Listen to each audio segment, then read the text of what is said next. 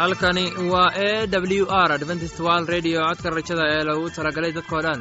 Anigoo ah maxamed waxaan idin leeyahay dhegaysi wanaagsan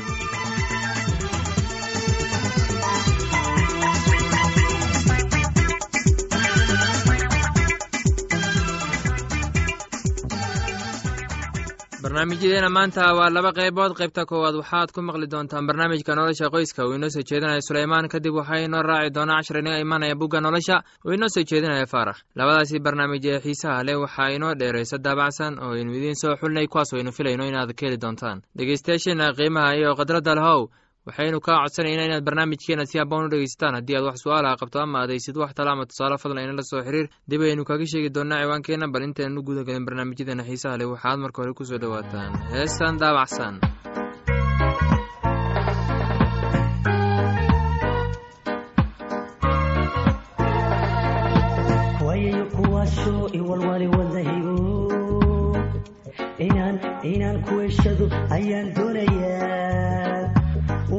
waya badan ku doondoonayo maalintaan ku arkaan waxaan idhi wow wow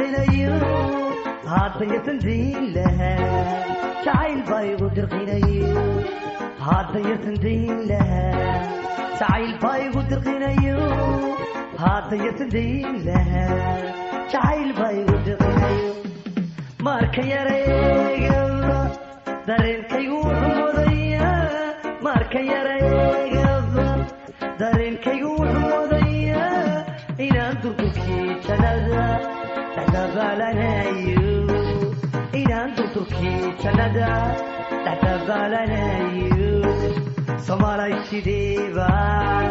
soomaalay sideeba ugu dulqaata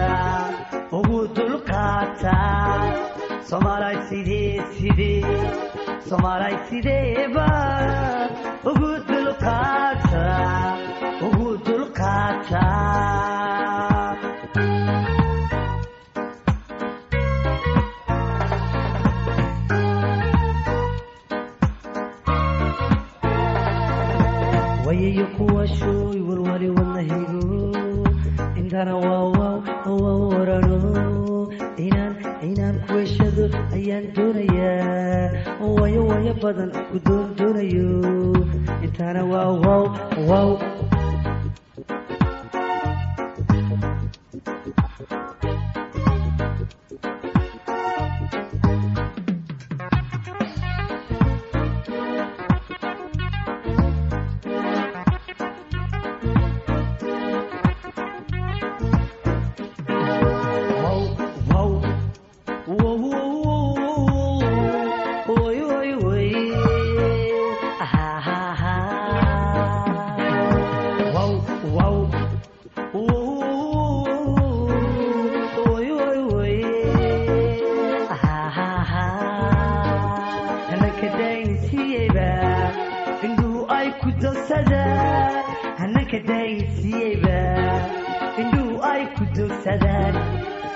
hanaka daynsiiyeyba indhuhu ay ku dogsadaan hanaka daynsiiyeyba indhuhu ay ku dogsadaan marka laba eegaba dareenkaygu wuxuu wadayaa marka laba eegaba dareenkaygu wuxuu wadayaa inaan durdurkii jannada dhexdabaalanayo inaan durdurkii jannada dhexdabaalanayo soomaalay sidee sidee soomaalay sideeba ugu dulqaata ugu dulqaata soomaalay sidee sidee soomaalay sideeba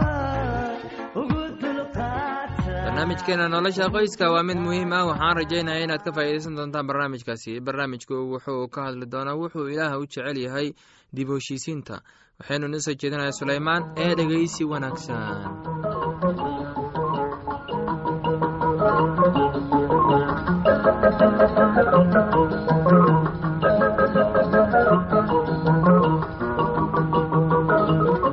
Dhegaystayaasheenna qiimaha iyo qaayaha lahow waxaan maanta doonayaa inaan ka hadlo dib u heshisiinta oo ahayd brograamkeenni taxanaha aynu mar dhoweyd bilownay. Haddaba ilaah muxuu ka yidhaahdaa muxuuse ilaah u jecel yahay in dib loo heshiiyo.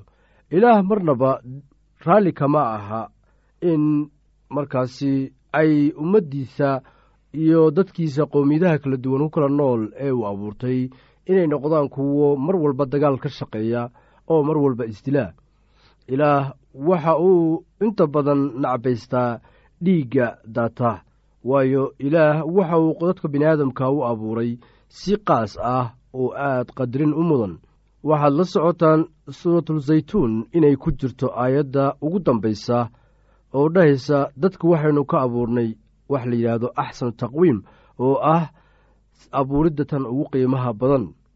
Laakiinse haddii muxuu ahay inay dadkii noqdaan sidii xoolihii ama xayawaankii oo isdilaan waxay noqonayaan dad aad u hooseeya oo waxay noqonayaan markaan idiin sheego isla aayaddaas muxuu ahayn asfal saafiliin kuwo muxuu ahayn aad iyo aad u hooseeya. Walaqad khalaqna alinsaana fii axsani taqwiim tuma radadnaahu asfal saafiliin taasoo aad garan kartaan aayaddaas siday u tahay mid caan ah marka haddii uu ilaahay u abuuray bini aadamkii si qiimo leh oo laakiinse ay qiimahooda garan waayaan oy noqdaan kuwo u dhaqma sidii xayawaankii waxay noqonaysaa dhibaato aad u weyn oo aa ilaahay ku abuurto farxad daro iyo inuu noqdo mid mar walba muxuu ahayn u carooda dadkiisa. Waayo haddii qofka biniaadamka uu ka soo bixi waayo kaalintiisii bini'aadnimo oo ahayd mid aad u hoose u saraysa oo ka saraysa xayawaanka oo dhan oo isla markaasna loo xilsaaray inuu dunida ka taliyo oo ay noqdaan kuwa dunida amiirada looga dhigay. Sidaa awgeed hadday isdilaan oo sidii xayawaanka u dhaqmaan taasoo aan uga dan leeyahay kuwa xoolaha dadka dhaca kuwa dadka micnodarada u dilaya kuwa iyaga shilin ku dilaya qof iyo kuwa iyaga muxuu ahayn kufsadaa naagaha waxa ay kuwaasi noqonayaan kuwo bini'aadamnimadii gacantooda ay ka baxday. Haddaba waxaa loo baahan yahay in ilaah la dhegaysto ereyadiisa ereyadiisaas uu ku yidhi diimihiisa kala duwan taasoo uu dadka ugu baraarujiyey inay markaasi ka shaqeeyaan nabadgelyada oo ay noqdaan dad aad u tixgeliya nabadgelyada. Haddaba marka laysku soo noqonayo waa in qof walba uu ilaahiisa markaasi isagoo ku kalsoon oo islamarkaasna muxuu ahayn eryadiisa adeecaya waa markaasi oggolaadaa in dib loo heshiiyo. Waayo markaad dib ula heshiisid qof walaalkaaga ah oo ay waxda dhex mareen ilaah wuxuu aad ugu farxayaa muxuu ahayn arrintaas. Waa inaad u caroon muxuu ahayn walaalkaaga oo ay waxda dhex mareen muxuu aha inta ay qoraxda dhacin. Haddii aad subax is muxuu ahayn ay waxda dhex mareen waa inaysan caradiina ku gaadhin ilaa ay qoraxda ka dhacdo oo aad heshiisaan. Haddii ay habeen noqoto inaad muxuu ahayn isu cololxumaateen ama isdisheenna waa inaysan qoraxda idinkugu soo bixin idinkoona dib u heshiin. Taasi waa aayado ayagana ku jira iyo muxuu ahayn kitaabada ilaah oo axaadiisna lagu sheegay. Haddaba waxaa loo baahan yahay walaalayaal in aad markaasi si muxuu ahayn weyn u qadaysaan dib u heshiisiinta ama in dib laysugu soo noqdo. Waxaan aniga idiin sheegayaa walaalayaal in dib u heshiisiintu ilaahay ku farxo oo ay tahay mid markaasi ilaahna uu ku taakulayo dadkiisa. Mar allaala marka ay tallaabo u qaadaan inay dib isugu soo noqdaan oo ay soo hor fadhiistaan wuxuu markiiba u ansixiyaa oo qulubtooda u geliyaa raxmad oo wuxuu ka dhigaa kuwo garta xikmadda ay leedahay ama faa'iidada ay leedahay nabadgelyada sidaa awgeed waxaan idinka codsanayaa inaad noqotaan kuwo mar walba ilaah ka dambeeya oo isla markaasna deriskooda xaq dhowraa oo markaasna xaq dhowraa dadka kale ee ayaga ka fog. Waxaa loo baahan yahay in dib u heshisiintu ay noqoto shay qaali ah oo mar walba muxuu ahay laga shaqeeyo. Haddii dib u heshisiinta la diido waxay noqonaysaa in ilaah aynu ku caasiyowno oo aynu noqonno kuwo mar walba sharkasi ka sii wada oo ka shaqeeya shar iyo dhibaato iyo dagaal joogto ah. Markaad dagaalka sii wadidna macnaheedu waxay tahay ma tihid qof ilaah ka baqaya oo ma tihid qof isaga booskiisii ama meesha uu taagan yahay ka soo dhaqaaqaya. Haddaba haddii aynu doonayno in ilaah aynu noqonno kuwo si fiican u adeeca oo si wanaagsanna muxuu ahayn u caabuda waa inaan noqonnaa kuwo nabadgelyada aada uga taxadara waayo ilaah wuxuu qiimo weyn siiyey muxuu ahay dib u soo noqoshada waxaana loo baahan yahay bini aadamkuna in noqdaan kuwo qiimo weyn siiya in dib laysugu soo noqdo oo la heshiiyo. Waxaan filayaa inaad si haboon u dhegeysateen casharkaasi. Haddaba haddii aad qabto wax su'aala oo ku saabsan barnaamijka nolosha qoyska fadlan inala soo xiriir. Ciwaankeenna waa codka rajada sanduuqa boostada afar laba laba todoba lix nairobi kenya mar labaad ciwaankeenna waa codka rajada sanduuqa boostada afar laba laba todoba lix nairobi kenya. Waxaad kaloo inagala soo xiriiri kartaan emeilka somali e w r at yahu dt com. Mar labaad imeilka anagu waa somali e w r at yahu dt com. Haddana waxaad mar kale ku soo dhowaataan. Heestan daabacsan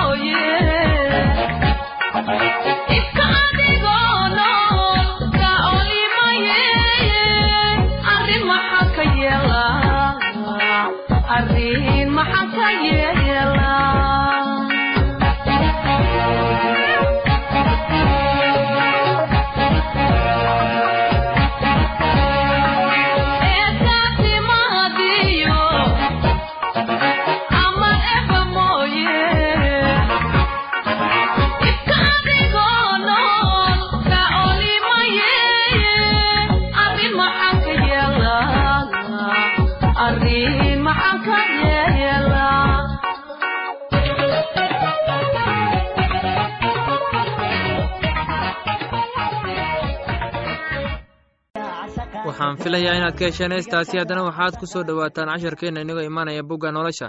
Casharkeenna wuxuu ku saabsan yahay kitaabka nafiniya waxaynu ii soo jeedinayaa faarax ee dhegeysi wanaagsan.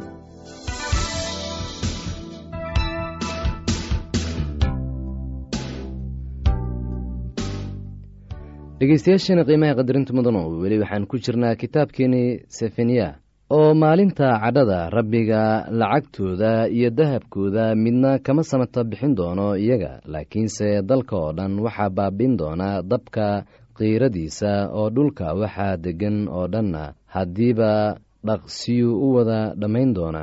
Isa soo urursada quruntan aan xishoodka lahaynay isa soo urursada intaan amarku soo bixin oo aan maalintu u dhaafin sida xaab oo kale intaan rabbiga xanaaqiisa kululu idinku soo degin. Intaan maalinta cadhada rabbigu idinku soo degin.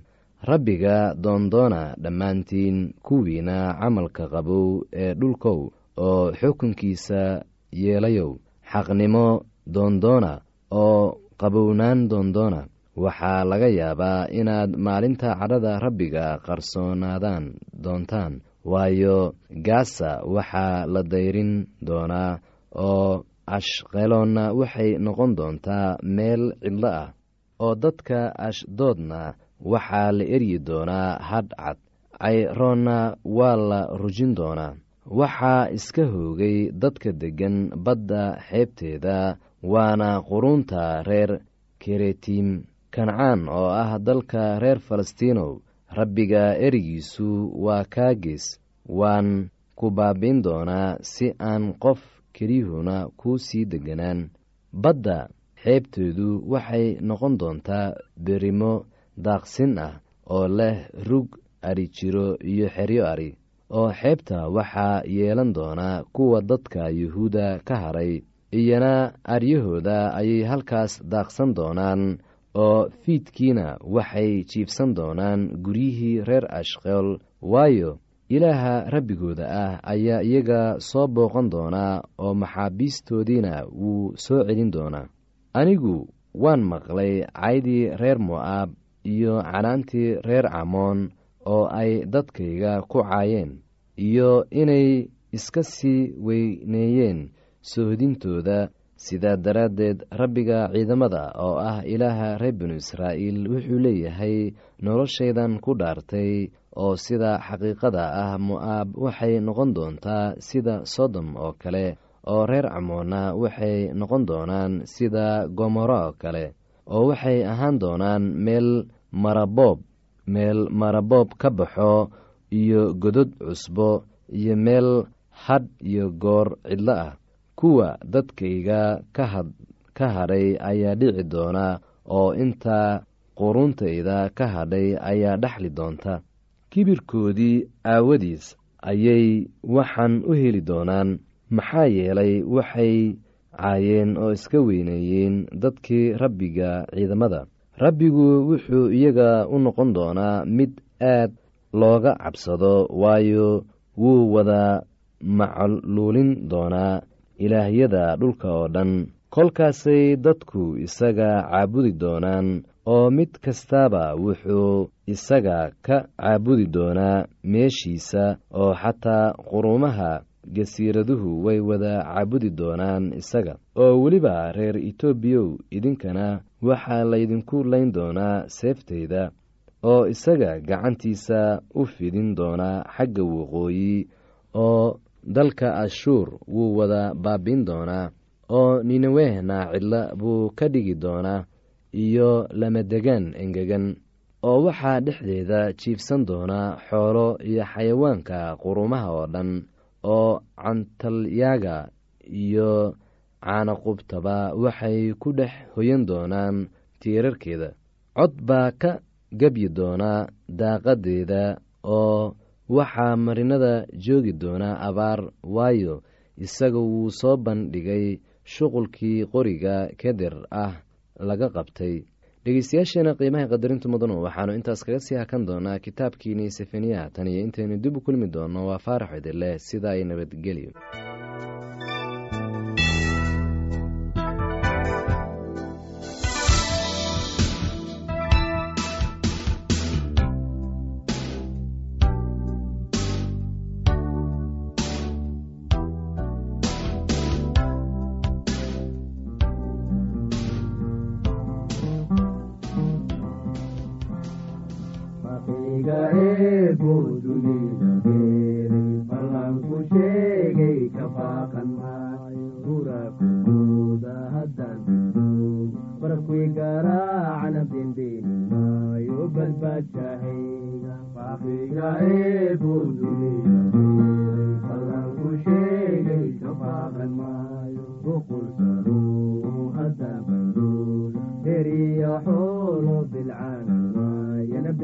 bendeenin maayo badbaadshahayga fakriga eebo dunida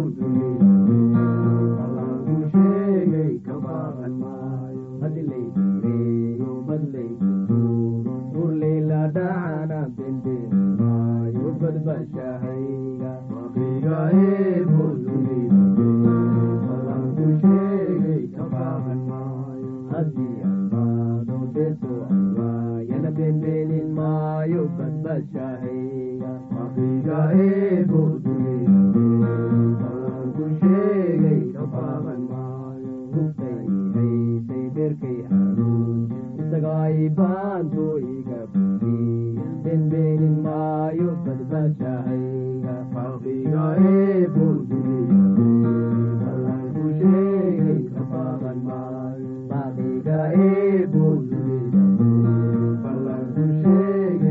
casharkaasi inaga yimid bugga nolosha ayaynu ku soo gagabayneynaa barnaamijyadeena maanta.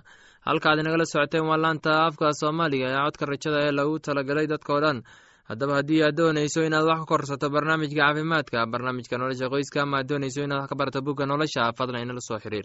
Ciwaankeen waa codka raja sanduuqa boosada afar laba laba todoba lix nairobi kenya. Mar labaad ciwaanka anagu waa codka raja sanduuqa boosada afar laba laba todoba lix nairobi kenya. Waxaad kaloo inagala soo xiriiri kartaan emeilka somali e w r at yahu dt com. Mar labaad emeilka anagu waa somali e w r at yahu dt com. Dhegeystayaasheena qiimaha iyo khadradda lahow meel kastaad joogtaa intaa mar kale hawa dib u kulmayno. Waa anigoo ah maxamed waxaan idin leeyahay sidaas iyo nabadgelyo